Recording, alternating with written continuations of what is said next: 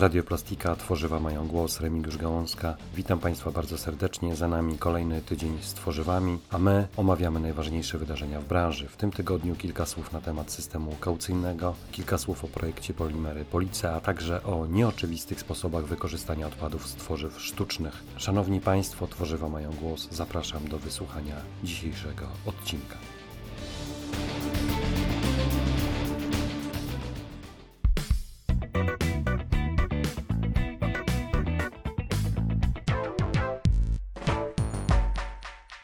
To jest audycja Tydzień Plastiku, w której omawiamy najważniejsze branżowe wydarzenia w minionym tygodniu, a moim rozmówcą jest Robert Szyman, dyrektor generalny Polskiego Związku Przetwórców Tworzyw Sztucznych.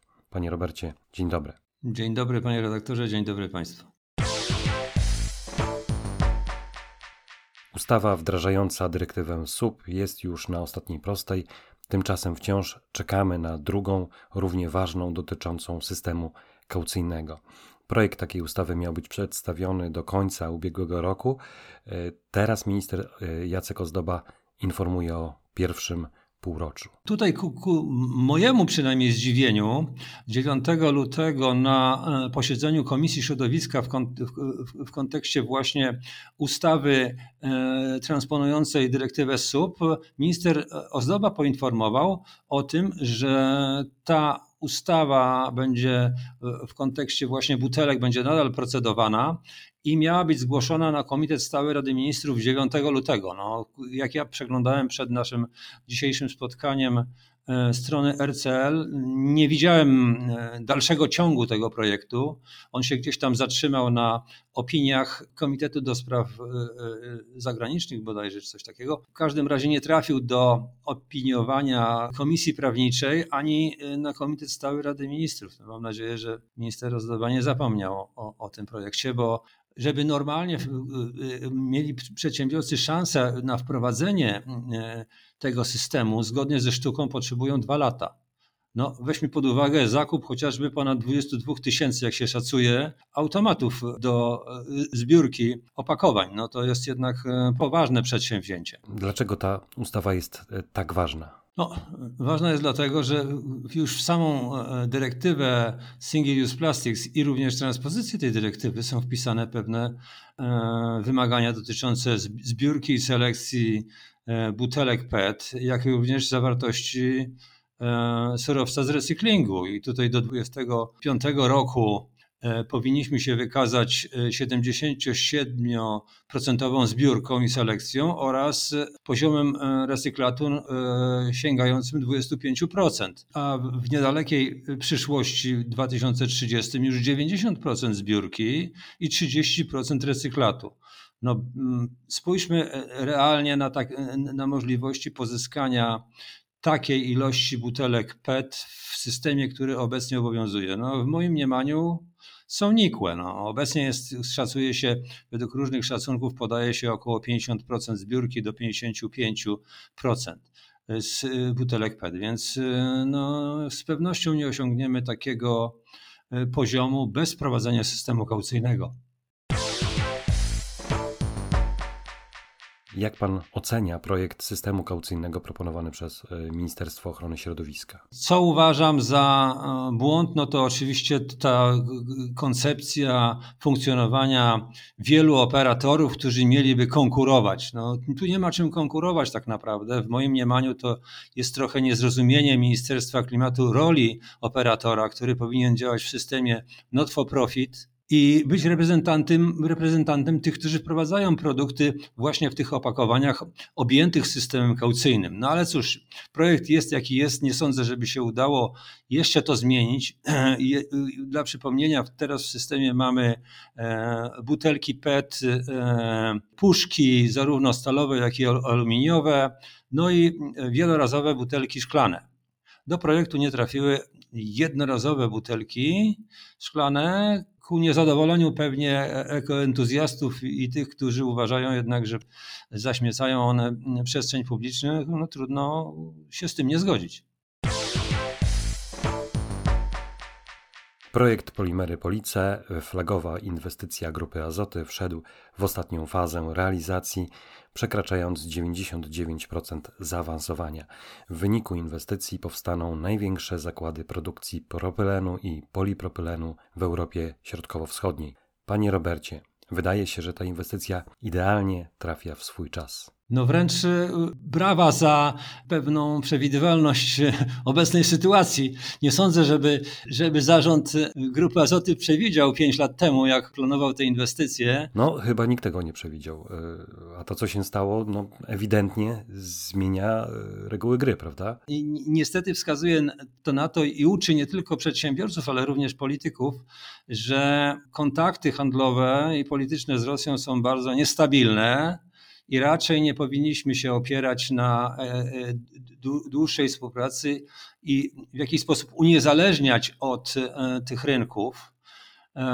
Szczęśliwie się stało, że ta inwestycja powstała, między innymi dlatego, że właśnie w tym konkretnym strumieniu polimerów, czyli właśnie polipropylenie, byliśmy w pewnym sensie może nie tyle zależni, ile 20%, jak wskazują analizy, pochodziło e, dostaw do Unii Europejskiej właśnie z rynków wschodnich, w większości z Rosji. Ineos pozyskał 3,5 miliarda euro na budowę najbardziej ekologicznego krakera w Europie, wykorzystującego niskoemisyjny wodór do produkcji etylenu. Inwestycja otrzymała dumną nazwę Project One i chyba nie sposób oprzeć się wrażeniu, że europejska chemia rzeczywiście staje się coraz bardziej zielona. Bardzo mnie cieszą takie inwestycje i to, że przemysł tak aktywnie odpowiedział na pewne zarówno oczekiwania opinii społecznej, jak i polityków i tak e, świetnie sobie radzi w, kontekście właśnie obecnych wyzwań. E, no, jak wiemy, tworzywa sztuczne są oskarżane o szereg, e, o szereg kwestii dotyczących innymi zaśmiecania środowiska, czy też korzystania z, z ropy naftowej. Wiemy, że oczywiście jeżeli, według, jeżeli chodzi o analizy naukowe, to nie jest tak do końca, jak, jak twierdzi opinia publiczna, chociażby wykorzystanie ropy naftowej do produkcji tworzyw sztucznych to jest zaledwie 4% ale nawet te 4%, jeżeli uda nam się uniezależnić i przejść na e, e, takie pro, propozycje, jak o której teraz mówimy, czy chociażby o e, e, e, recykling chemiczny, który pozwala na odzyskanie surowca z odpadów, uważam za bardzo cenne inicjatywy, bo to nie tylko pozwoli nam na to, abyśmy weszli na drogę gospodarki obiegu zamkniętego, a przede wszystkim no, w pewnym sensie zamknęli usta tym opozycjonistom tworzyw sztucznych, którzy uważają, że tworzywa sztuczne to jest naj, najgorsze zło tego świata.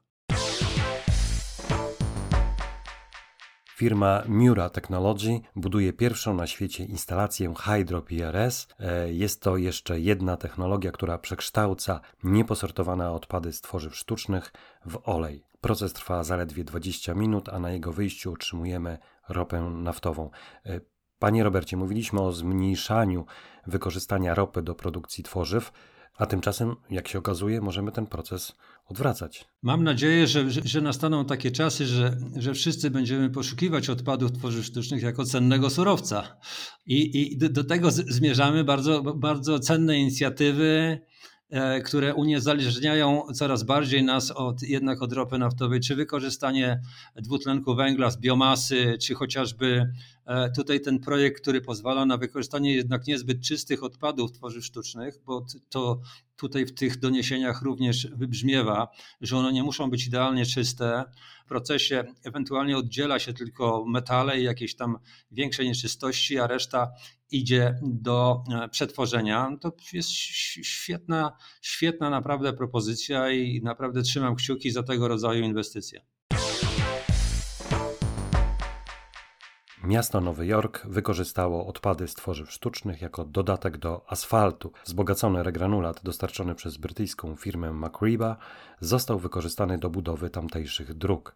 Niezależne badania laboratoryjne wykazały, że zastosowane w asfalcie dodatki z tworzyw sztucznych nie wypłukują się do środowiska ani nie wytwarzają toksycznych oparów. Panie Robercie, co pan na to? Co mnie fascynuje w tego rodzaju wykorzystaniu technologii, to przede wszystkim to, że e, ten główny argument, że to plastik jest taki długowieczny, właśnie tutaj jest bardzo pozytywny, ponieważ jak wiemy, należy ciągle jakby analizować to w kontekście pewnego śladu środowiskowego. Jeżeli weźmiemy pod uwagę e, jednak nietrwałość asfaltu i konieczność e, ciągłej naprawy z wykorzystaniem jednak ciężkiego sprzętu, który no nie jest bez znaczenia dla śladu środowiskowego, no to wydłużanie trwałości, gdzie autorzy podają, że nawet do 500 lat te nawierzchnie są w stanie w dobrej kondycji funkcjonować, no w moim mniemaniu to jest świetne wykorzystanie właśnie e, tworzyw sztucznych i ich właśnie trwałości do tego rodzaju technologii.